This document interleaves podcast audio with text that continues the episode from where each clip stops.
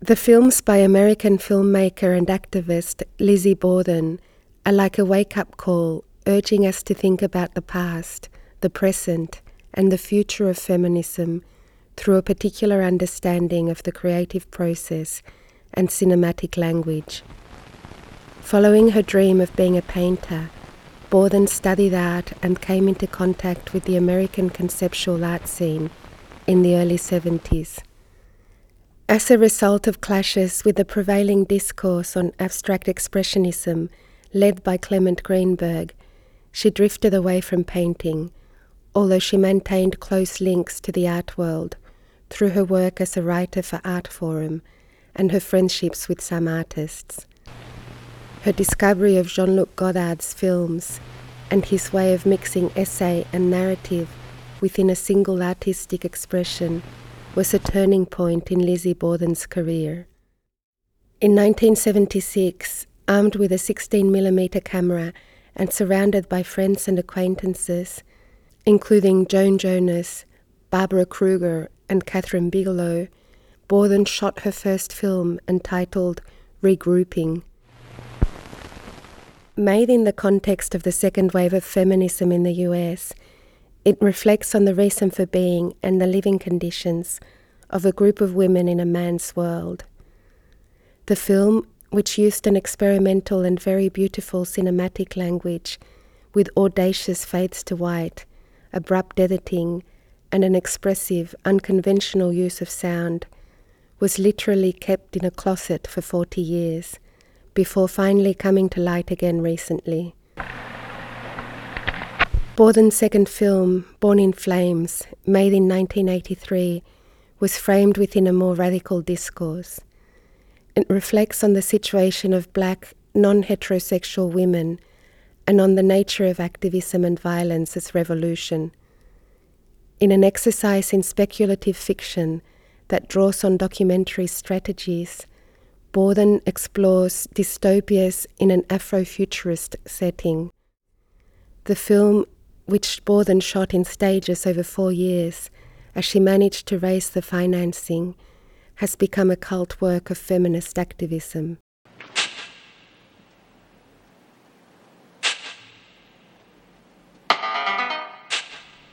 In her third film, Working Girls, made in 1986, Borden turned to the problems of race, class, and stereotypes in relation to sex workers from a demystified female point of view, totally removed from the voyeurism and prejudices with which prostitution is usually portrayed. Sonia talks to Lizzie Borden about inductive and deductive filmmaking about filming without a script, about the importance of editing, about the use of documentary strategies in fiction films, about alternative distribution as a form of activism, about the lack of women in the film world, and about her notion of television as the future of audiovisual media. Shall we? Uh-huh.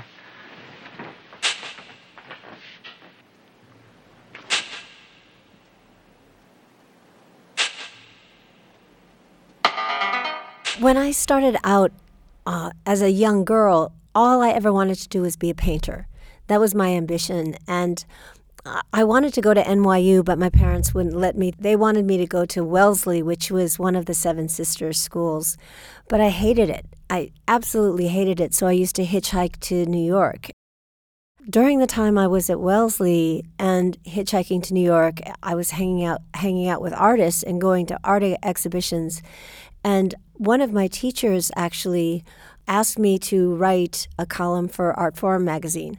When I started writing about art, I was covering a lot of artists who were um, also experimenting with film and video and really interested in the women like uh, Joan Jonas and Yvonne Rainer and Simone Forti and all of those really interesting women who were experimenting not only with their bodies, but with just multimedia. What I realized was that knowing too much about art history destroyed painting for me. You know, every time I tried to paint, I was so aware of who had come before me. But studying art really meant obeying the principles of Clement Greenberg. And so I, I really was confused as a painter. I didn't really know what to do. And I was seeing all of these amazing artworks. What happened was that that whole time where uh, I was involved sometimes quite intimately with these these artists, I saw that their experiments with film were um, really radical on one level, but I also saw something else, which was that the women whose work I admired so much was not valued as much as the titans I saw around me. You know, here were these men whose work was just, it was so, it was so revered, but they did not consider the women around them as that important, especially the women who worked with body art. You know, if they took their clothes off, they were not respected as much. They were seen as lesser. So I made regrouping within that context, and that had its own story where there was a lot of dissent around it. But I know I was influenced a lot by what I saw, you know, Joan Jonas's uh, Organic Honey's Vertical Roll and Vito Acconci's little tiny Super 8 films, which I never wanted to work in Super 8 because you had to work with tweezers, and I was never good at things like little tiny, you know, knitting kind of stuff. In its beginning stages, the group is a means of action and organization. Our premise is that all women are oppressed and that all women want to end their oppression. We feel that all women are like ourselves. It seems to me that they would realize that. I mean, the narcissism went so far. It, it, went, it was physical, but it wasn't mental. Farewell. Thou art too dear for my possessing, and like enough thou knowest thy estimate. How much I'm interested in the simplicity and complexity of any idea which contains a certain amount of enthusiasm, personal flexibility, and originality what made thought. me upset even in the movie was that through all of this feeling for wanting to appear very intellectual and abstract and remote, the physical image that they present is so simple, so little girly.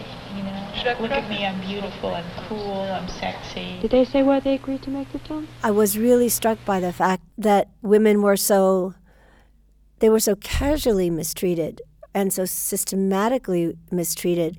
And I was being really radicalized by uh, the second wave of feminism that was sort of coming in at the time.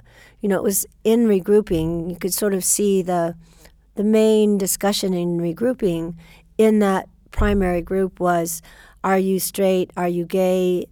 Um, basically, uh, if you sleep with a woman and you're doing it casually, is that trivial or are you really committed? That was kind of, in my opinion, what was one of the dominant conversations within the group. For the sake of having exceptions to every rule, I will refrain from such conventional labels as lesbianism, homosexuality, bisexuality, and heterosexuality. That group got mad at me for focusing on that. That was one of the main arguments they had against me for focusing on it. And one of the many things that drove a, a rift between us. But seeing that and seeing that that group was so homogeneous. They were all white, they were all middle class, they were all going to art school, and I looked at myself and I could say the same thing. I thought, oh my God, I have to completely separate myself from that in order to ask the questions and have them answered uh, about feminism and about class. Some of us feel that the dissolution of the group means that the impetus of the women's movement has been lost. Some of us feel isolated and incomplete without the group. We try to reorganize. We form small core groups of women whose ideas are similar. The other aspect of the art world I, I saw was that there were uh, there were a lot of other kinds of meetings going on in the major art world. Like for example, um, there were art language meetings, um, which Kathryn Bigelow was part of, Mayo Thompson was part of. Way before that, and before my time, actually, there were these big Marxist meetings um, led by Carl Andre. There were women involved, like Lucy Lippard, but I didn't go to those. That was like in the 60s. But groups and agitation and left wing politics and the readings of Marx, that was all very, very much a part of the art world. And my interest in art language and the smaller groups informed my premise about the woman question and thinking about, well, even if there was a kind of left leaning uh, government, the woman question would always be put second, and there would still be all the issues of women sort of left to consider. So I wanted wanted that premise, but I knew I had to I had to go on a quest and find out what black women were, were thinking because at the time the second wave of feminism hit me, it was still a lot of white women. This was before Basquiat, for example, so that kind of puts you on the, the kind of far edge of time. And there were a few black people, but not a lot. History. A sense of history. An historical perspective. And you have to begin where they left off. I decided I did not want to know much about film. So I didn't really study film, but one of the things that made me decide to make film was uh, seeing a, a retrospective of Godard films because what it showed me it wasn't that I was in love with any one specific film, but seeing an entire retrospective showed me that you could do agitprop, that you could put essay and a story, a narrative together, and make a point while you were also telling a story. You could actually interrupt one simultaneous with the other. And that sort of occurred to me somewhere. I'm not sure whether it was before I did regrouping, while I did regrouping, while I was in the process of regrouping, or before Born in Flames.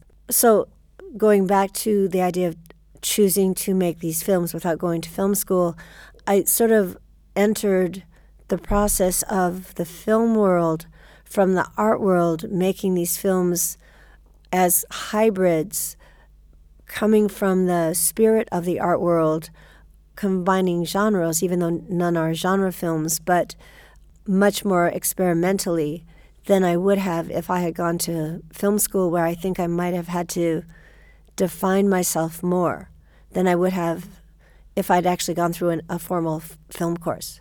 Lizzie Borden proposed to make a film about the four of us. She had been inspired by some of the ideas in the formal development of a conversation between her and us, in which we interviewed her for a class, Women in the We Arts. share stories, we pool our experiences, we create a common ground. We feel warmth and comradeship. Personal problems become common problems. Working together ends doubt and frustration. Regrouping may have started as a documentary, uh, but I've never made a documentary, even though people think I'm a documentary filmmaker. I think I like to mess with things too much, and I don't think I'm respectful enough of subject matters to be a strict documentary filmmaker. We have collaborated in the following manner. Over the years, we have collected resource materials, tapes of meetings, Xerox We texts, research period. our own writing, source material, photographs. books and documentation. This collection circulates between us and is used to inform our individual work, We organize or attend classes on films, feminist and history. literature.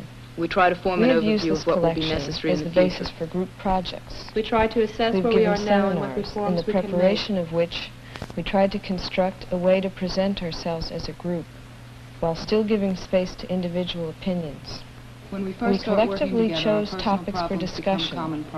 And we We each begin to formulated our analyze own ideas situation about the examining the topics. of women Because we are interested in presenting our We start to go interactions in public situations, We become as well as describing objective. our activities, We feel that this we shared have rehearsed our experience is true. conversation We beforehand feel that truth leads to in order correct to be action. more spontaneous publicly. We unconsciously control each other. I think of all three films, and I think that they're much more about asking questions and because I love the idea of making a film, putting it out there, and then interacting with an audience.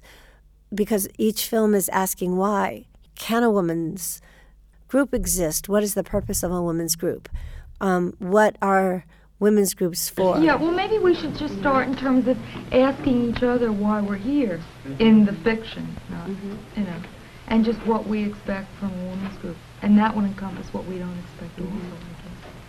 That's too point blank a question at this Yeah. point. I'll have to feel Oh, into that. yeah, better. yeah. Why I'm Let here me is because start. Lizzie invited me. That's the only answer I can. No, but in the fiction. I know, but I don't have my fictional self. Okay. No, I don't, I'm not even going to Maybe deal you- with She needs to work into her character. Yeah. I'm not even going to deal with the fiction. Okay, well, Yeah, I I would say,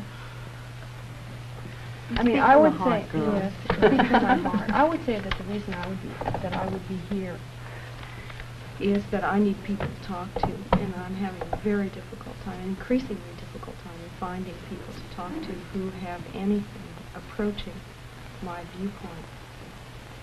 What do you mean by talk to? There's specific kinds of problems I need to solve, which I can't even at this point identify. I mean, problems relating to my work and relating to the way, you know, I move around in the world and, you know, why the hell mm-hmm. I, why the hell I choose to do things in the most difficult way. And, you know, what, what it is I want to accomplish in a way by doing all that, you know, like why do I have to, I mean, why do I insist to myself that any relationship I have with a, with a man has to be different. The relationships that I have with other women have to be different in some way from other any other relationship that I see or any other one that I've had. And you know, like I sit I sit at, at home when I'm home, you know, and all these things run through my mind. It's like a parade. I've seen them all, you know. Mm-hmm. My whole train of thought passes by and it reaches exactly the same impasse, you know, and points like, when I reach points like that, like the only thing that I can possibly think of to do is to find other people in the hopes that, you know, those people have reached some kind of parallel impasse and she have... was going too far, too fast, and she knew they didn't trust her. You know, with Born in Flames, it's what is the nature of violence? You know, what leads women to violence? What is the nature of activism? What is going too far if one is pushed? How can we be active in a situation that oppresses us? Where's Mary? Mary is no longer with us. Gee, Molly, you did very well today. See, it wasn't so bad. You made a lot of money. You mean I made a lot of money for you? Lucy, have you ever heard of surplus value? Molly, don't be patronizing. I went to a good school, too. I'm leaving. Okay, babe. See you next week. No, you won't. I'm not coming back, Lucy. Molly. Honey, you're just tired. You go home and take a nice hot bath. You're going to feel just fine in the morning. Molly? Molly, you can't just leave. What about your regulars? Molly, you can't walk out on me. You know I'm short on girls. You know, with working girls, it's about labor. It's a question of if we decide to rent our bodies in, instead of working a regular job, at what point does it become too heavy on our souls that it the cost is too great? Um, because I do believe in choice. Choice is, I think, all women's right. We can do what we choose to do. If we want to rent our bodies because we feel we can handle it, that's our choice. If we want to be a housewife, be happy with three kids in the suburbs, that's our choice as long as nobody's telling us we have to do it. But the question is which is worse, eight or 10 hours of working in a brothel or 40 hours of working at a waitressing job or at a Kinko's? Those are choices that I think we as as women um, should be able to make on our own. Of course, I absolutely believe that prostitution, if one is coerced or forced, if one is trafficked or one is underage, that has to be stopped. And I actually think that prostitutes who have chosen to be prostitutes can help end those other things, but that's a, that's a different matter. I'm in your power. I'm in your power. You are in my power. A little bit tighter. I can make you do anything I that's want better. you to That's do. better. Now, now it's too loose. No, you can't escape me. Okay, that's okay. No, you can't escape me. No. I'm in your power. I'm in your power. I can't do anything. I'm not going to make love anything. to you. I can do anything. I'm in your power. You can do anything you want to me. Don't touch Yes, my I will. No, Yes, no, I will no. touch your nipple. No, don't, don't. You don't oh, want you're monstrous. You're monstrous. Don't do that. Oh, don't touch you don't want me to? Well, I will. Please. I oh, will no, touch your no, balls. No, oh, I'll touch oh, your balls whenever I want to because you want to know oh. why? No. You are in oh, my power. Monstrous. I won't. And I now won't, you're going to make me come. No, don't. No, I Yes, can't. I won't. I won't. I won't. Oh. No, no. Oh, oh, oh, No.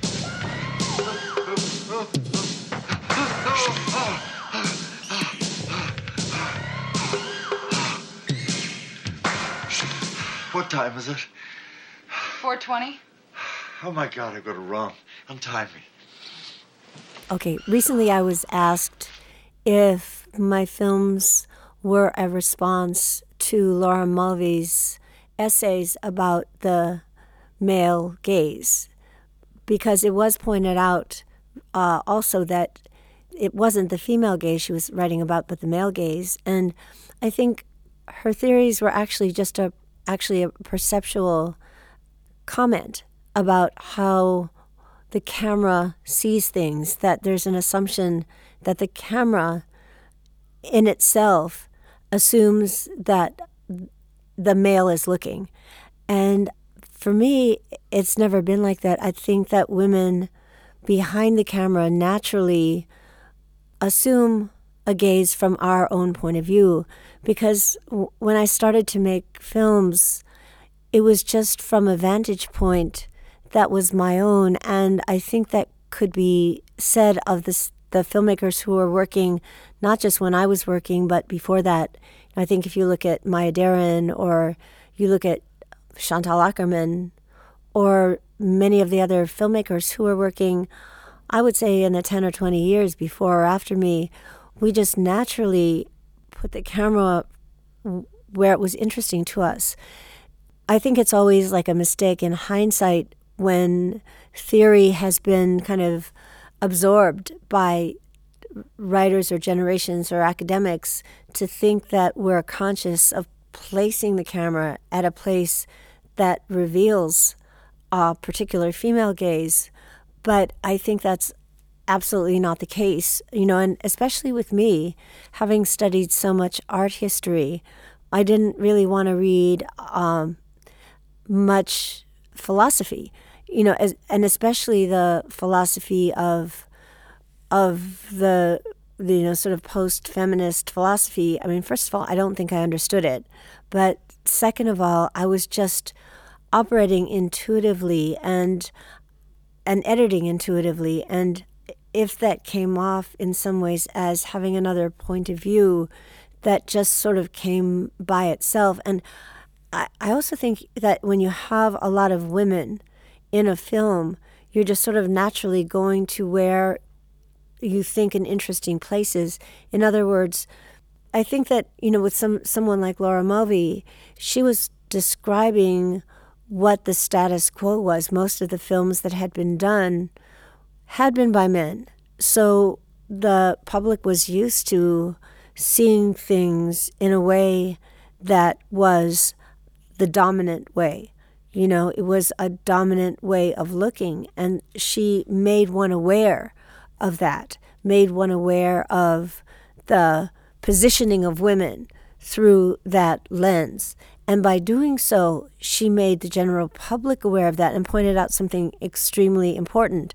But I don't think she then made women say, oh, now we have to be different. I don't think it was a, it was cautionary toward women. It was more cautionary toward the audience to be aware that their view of women was being skewed by the men who were making movies up until then.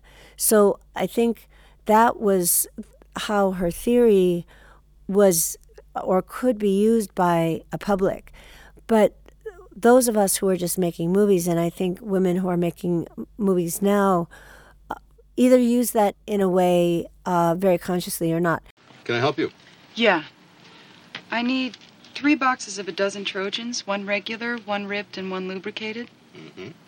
A sanitary sponge, one KY jelly, one Koromex contraceptive cream, and an herbal douche.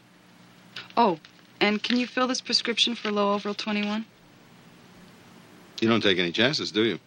But then you do have women who are shooting it from the ultra, ultra, ultra, ultra female point of view because they're trying to actually actually dig into a way of seeing from a woman's point of view that hasn't in a way that hasn't been seen before. And these are filmmakers like Jane Campion or Eve Arnold, where you're seeing it now, let's say Jill Soloway, or Orange is the New Black.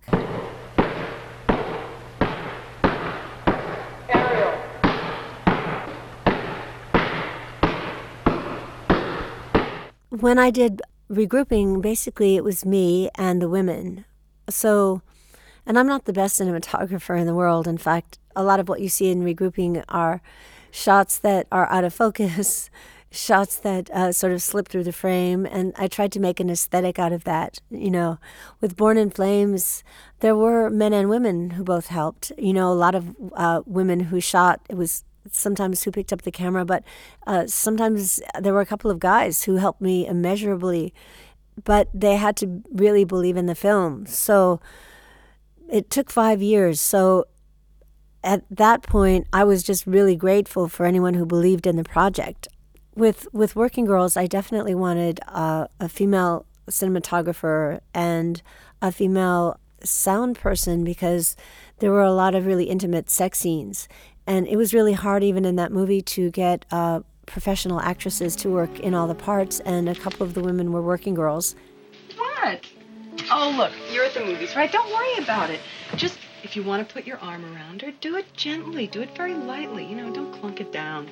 And, you know, chances are she'll put her hand on your knee or something like that.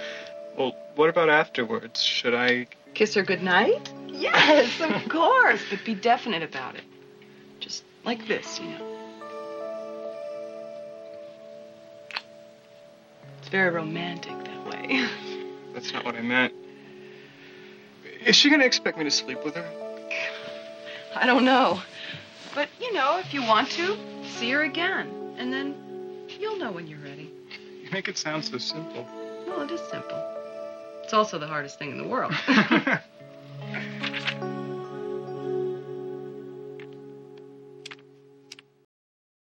The acting is really uneven, I know. But for me, it was more important to get women who were comfortable with their bodies because it was, uh, I wanted it to be really authentic, even though it was one of those movies where it's about sexuality, but I did not want it to be erotic. In fact, I wanted it to be the opposite of erotic.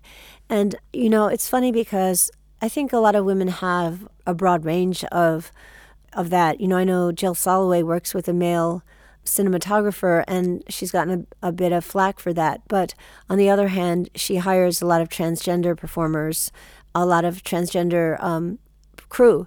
So I think it's however you feel comfortable with who is around you. You know, it's about creating an atmosphere. I would prefer to work with women. And I think one of the things about changing the numbers of women who are working is to hire women. Uh, but I think it's really about the who understands your vision the the most. Her background, ordinary, uh, typical of a lot of blacks. Mother domestic. That's her on the left. Her father died when she was a teenager. Eight kids in the family. Adelaide's the oldest. She helped raise the others. Uh, these are some of them. Uh, always a jock, good in track and basketball. Goes to school nights, works construction jobs during the day.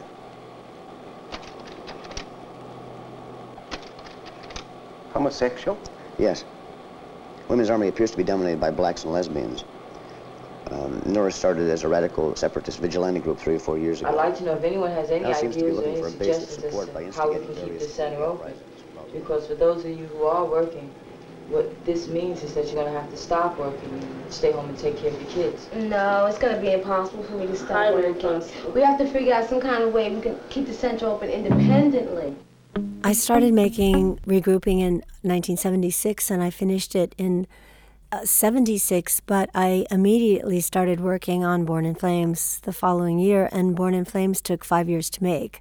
So it, there was really no gap. It was just that because Born in Flames was so slow, it was, you know, I have this expression um, inductive and deductive filmmaking, which is uh, deductive is if you have a script and you are making a film from a script, then you know where, where you're going. But inductive is if you have a premise and you don't know where it's going, then it takes a very, very long time because you really have to let it develop. And so, um, again, I wouldn't have made Born in Flames had I gone to film school because they would have said, How can you make this film? You don't know where you're going. You have no idea if you can ever finish it. You can't get any money from anybody because you can't pitch it. um, how do you even know you have a film? You have a premise, but no ending. You have, you don't even know who your main characters are. So what are you doing? But I knew that if I stayed with it long enough, I would understand what it is. And I could only film when I had $200 because it cost about $200 to do a shot. So over a period of five years from around 1977 78 to 83, I shot uh, Born in Flames whenever I had $200. And that was the process of it. And I uh, was also, I think I started with the three newspaper ed- editors, uh, Kathryn Bigelow, Becky Johnston, and, and Pat Murphy, who I knew through the Whitney program. Um, and that was my connection with the art world. And I knew, knew them through Vito Acconci. They were, uh, Becky was working for Vito Acconci, and Kathryn was with Art Language. So from that point, I didn't know any black women, so I had to find them.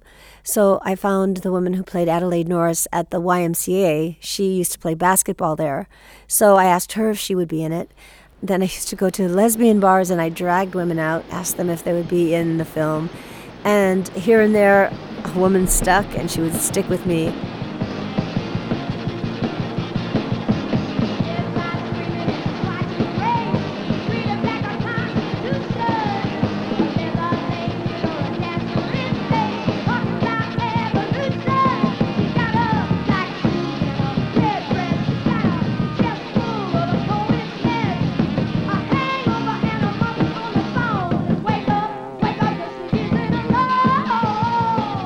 Adele Bertei is somebody who I knew from downtown. She she was uh, she was with a lot of, of groups like punk rock groups, and I knew her kind of from the scene.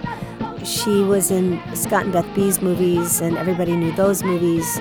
So um, she and I had kind of become friends. So she became part of the film, and so gradually, a film developed. And instead of having a script that I wrote, I basically wrote the script on the editing table. And as I wrote it, and I edited all the time, um, I had a I had a, a Steenbeck editing machine constantly going constantly going in my loft and I would rent it out at night to help pay for it. So at night NYU students would come and I would charge $25 for 8 hours, which was nothing, but it did help pay for it. So basically it was pretty continuous the process from regrouping to Born in Flames. The span was five years.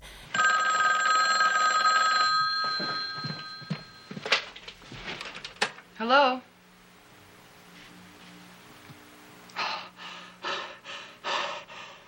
Working Girls, uh, that was 1983, and I wrote a script which was actually, you could see the seed of Working Girls in one of the montages in Born in Flames, which was in a montage of women's work. You know, you see women washing like uh, hands, and you see a woman packing chicken, and then you see a condom being put on a penis. Well, that idea of women's work, that was kind of a seed for working girls, and that came in 1986. You want something to drink? Yes, please. You know, sometimes he comes here and sees all the day girls. Then he comes back at night and sees all the night girls. God, that must cost hundreds and thousands of dollars. So how did you find out about Lucy's? There was an ad in The Voice for hostesses. Hmm. You are brave. Brave. I had no idea what I was getting into. But I guess I'll make a lot of money, so here I am. So what did she tell you you have to do in the room? Straight, French, 69, and kissing. Well, don't do anything they don't ask you to do. She said it's all included. Mary, if you do all of that with every customer, you're going to be burnt out in a week. Now, the big question, which is the harder question for me to answer, is okay, what happened after Working Girls? Because basically, the period of time from regrouping, which uh, got put in a closet, literal closet, actual literal closet in a bedroom, until recently, to Working Girls was actually kind of a short period of time in terms of, of continuity. How does one illuminate a dark and lonely sky There's only one thing left to do. You gotta ram at the darkness with your rhyme. Rhyme, chime, stop and a dime. My love is yours and your love is mine. Kick the stops out, bump and grind, both jangle and shake till the hearts all break. How does one illuminate a dark and muddy sky? There's only one thing left to do. You gotta ram at the darkness with your rhyme. So uh, it's just because Born in Flames really took a long period of time since I didn't have a script, and since I really did want the women in it to develop their own personas, which were based on themselves, but within the context of the premise I had set forth. So th- the way they would work would be that we would have the idea for a scene, and then they would put the scene in their own words. And some sometimes we'd have to do that more than once. You know, or sometimes we would have to do that more than twice. Uh, sometimes they would be so drunk that the scene wouldn't make sense, but I would knew, know that they would be drunk the second time we'd do it, and so I'd say, okay, well, that's just the way it is. That's how it the scene has to go, and you can see the film and you can pretty much see, well, hey, they were drunk, but the scene is the scene.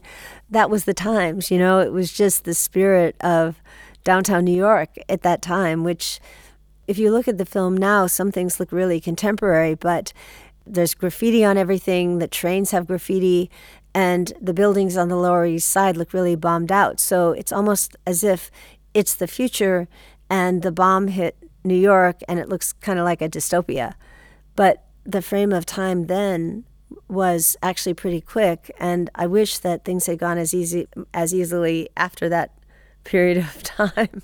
You gotta have the right place, you gotta have the right time, you gotta have the appropriate situation, and I'm absolutely convinced that this is it. Born in Flames was, I don't know how exactly I made Born in Flames. I think it's kind of a miracle that it even came off, you know, because so much of working on the editing for so long meant layering it and layering it and layering it. It is so much a product of its editing and trying to make a chorale of voices. And so, since it happens so much in editing, I think that's why it has its own particular style to it.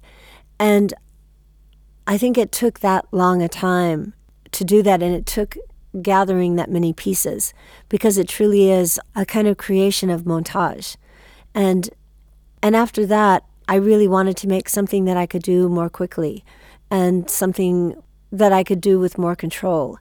Because of that, it was it was less less an ambition to make something quote unquote Hollywood as it was to do something that I had I could do in a in a more controlled environment because it was still very very low budget, you know. And so what I did was I built a film set inside the loft that I was in, which was actually a model of the brothel that I based the film on with moving walls and all that. And so in some ways it was just a very simple film about one story and a day in the life. So I was actually picking something so so simple after having spent 5 years working on the other film and also it was it was a, a financing reason because I thought okay well I could raise hundred thousand dollars to do that.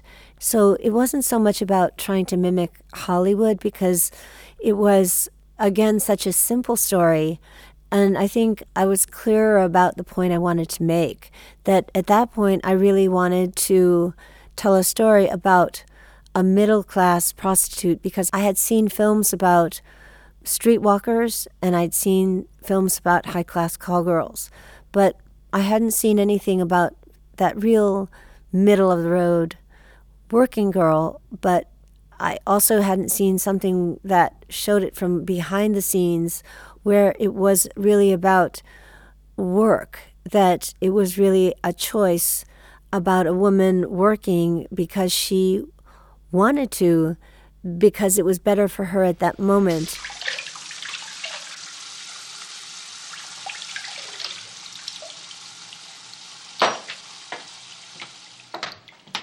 Molly, babe, are you okay? Lucy, I have to go. You told me you'd have someone come in and replace me. No one's even called back. I can't stand to be here another minute. Oh, babe, I'm sorry. I know how you feel. You've had a long day. Look, babe, you think you could hang on just for one more hour? Elliot called, and he's so pleased that you're on tonight. I know you like Elliot. Molly, I've already made the appointment. But then the ending is a question mark. How is she going to earn her living? What's she going to do? Is she going to go back? Is she going to have to find another way? Uh, she has momentary freedom because she's riding away on her bike, but what? Is she going to have to work some stupid job? Is the freedom illusory? You know, that is the question. You know what turns me on? That when we see each other on the outside, we'll have a secret. Secret. You'll have a secret, not me. So I think with Working Girls had a very specific idea in mind, and so I thought just a clear narrative would be able to tell the story better. I know I have my own internal struggles with telling just straight line narratives without a lot of layers there because I find that they just pass too easily without enough questions left to debate. So after I had done Working Girls, I went to a lot of cities and I was engaged with sex workers and met, met a lot uh, of them. And so I was actually really amazed when a few years, well, actually last year, I saw Mutants. Mutant? Mutantes? Mutant? However you pronounce it. Because uh, a lot of the women who are interviewed in that film were women who I met after I had done Working Girls because I was so really impressed with them, you know, with women who were in Coyote, Call Off Your Old Tired, tired Ethics, Pony, uh, Prostitutes of New York, because I just thought that it's so important that women have that option of choosing sex work if they choose it freely of their own will and they do need to be protected. Um, and they do need to be differentiated from women who are forced into it, you know, from women who are trafficked, from underage girls who don't want to be there.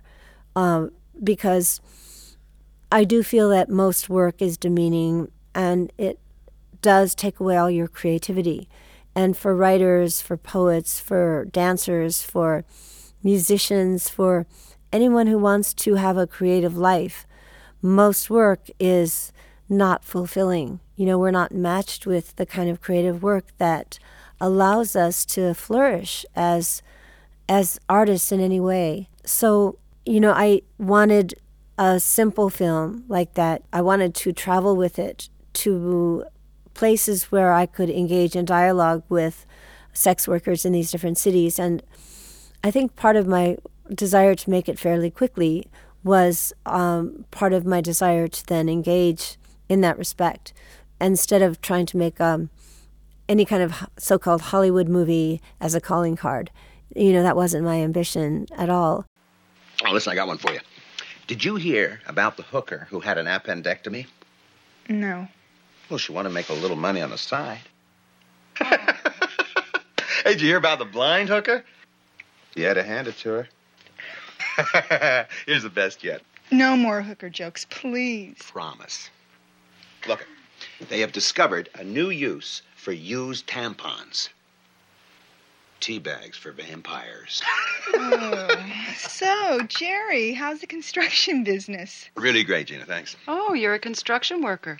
Correction, construction boss. Sex work comes in a lot of, of forms, and this culture thinks of two things when they think hooker or stripper you know, if you think stripper, you have the obligat- obligatory stripper in the background just writhing on a pole in some men's movie in some men's club as secondary action.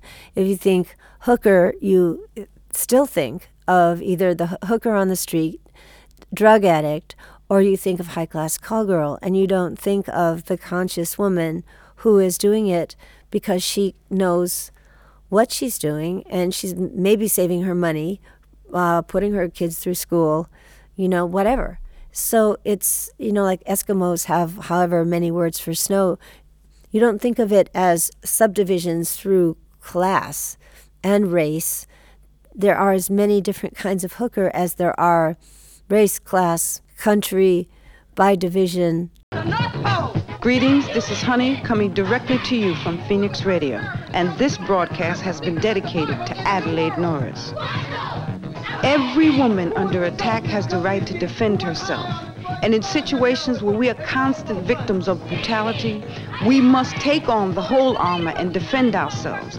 And at this time, we must fight back when and ever we are unjustly attacked. Freedom, you talk about freedom, freedom, it's yours, it's right here, and it's your right. They may label you, try to classify you, and even call you a crazy bitch, but don't flinch. Just let them. See, continue just as Adelaide Norris. Exercise your rights, and your freedom is yours. It's right here. Black women such as Adelaide Norris may in your community be amongst that minority and be insignificant to many. But just like the fuse that ignites the whole bomb, we are important. Black women, be ready. White women, get ready. Red women, stay ready, for this is our time, and all must realize it. What is really shocking to me is when I see Born in Flames, I look at it now through the eyes of the really younger generation. And when I see that it's relevant to them, I'm amazed because I had no idea when I made it way back then that it would be still relevant. And it makes me so angry because not only have things not changed, but some things have gotten worse, especially in the United States. You know, that basic rights, you know, uh, abortion rights have, are being taken away immigration. I mean, all of these issues are just day by day, especially with he is not my president. I can't say his name. I'm sorry. It's just too scary. I see this and I'm I'm actually shocked and I haven't been this angry in a really really long time. But then I see their energy and I see that they have become really politicized and it started to occur to me after the Occupy Wall Street movement and that sort of spontaneous gathering.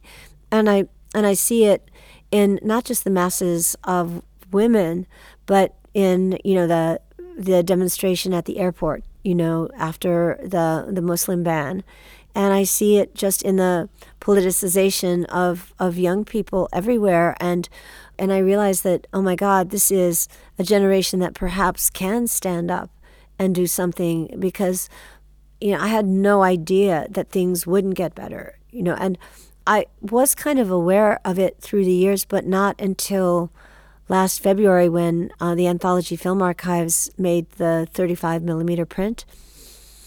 And I started going around to various places with it because I didn't really know who was seeing the film. You know, and then I realized that it was on YouTube and that young people were seeing it. They didn't even care who made it. You know, I feel about it like it's a kid who went away to college and when I go with it, it's not even mine. Wake up! Wake up! You know, look, I've put Born in Flames on YouTube several times. It gets taken down, and then I put it up, or somebody puts it up, and I let it stay up because I, I do feel that not enough black people have seen it. You know, it gets shown in museums and various places, and inevitably, it's mostly a white audience. And I've asked, I've asked, like, well, how do I get this to a more ethnic wide ethnic black Hispanic audience, and um, my distributor says, I don't know. My only requirement is when it's on YouTube, I hope it looks good and it sounds good. You know, I do I do think that it's like with when music started to go that way. I just think it's about being available. You know, I sort of have an anarchist view about that film. You know, I want people to see it it's about education ultimately and about sharing knowledge of the world because sharing knowledge makes us all more powerful.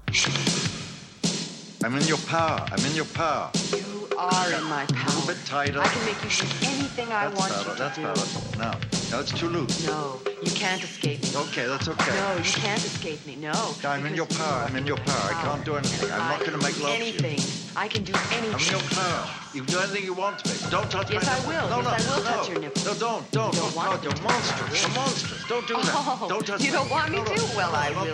please. I will no, touch your no, balls. No, oh, I'll oh, touch oh, your can't balls whenever I want to because you want to know why? no. You are in my power.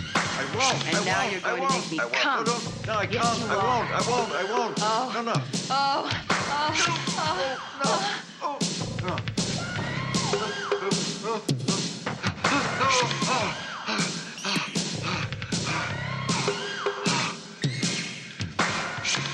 What time is it? 420? Oh my God, I've got to run. Untie me. TV is the new medium where we're seeing women's lives portrayed in a way that we hadn't seen before. That's taking not just the female gaze, but the idea of the female story that is being somehow exposed in a new way, but it's it's not just taking the idea of the female gaze, but the idea of female storytelling to a new level. There was always a danger in interpreting the idea of the female gaze as, oh, you have to put the camera here and not there. There's a way of subverting the female gaze. Up, two, three, four!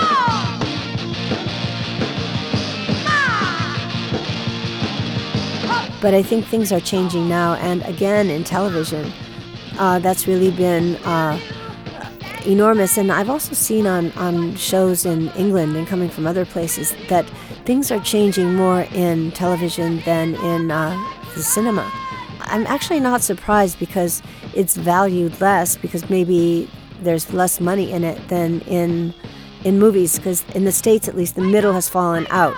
Now there's only really tiny movies coming into festivals and those big gargantuan movies. I know the par- there's very few women doing those and there should be more women doing those, but I think the more interesting movies are the little ones and lots of women are doing those.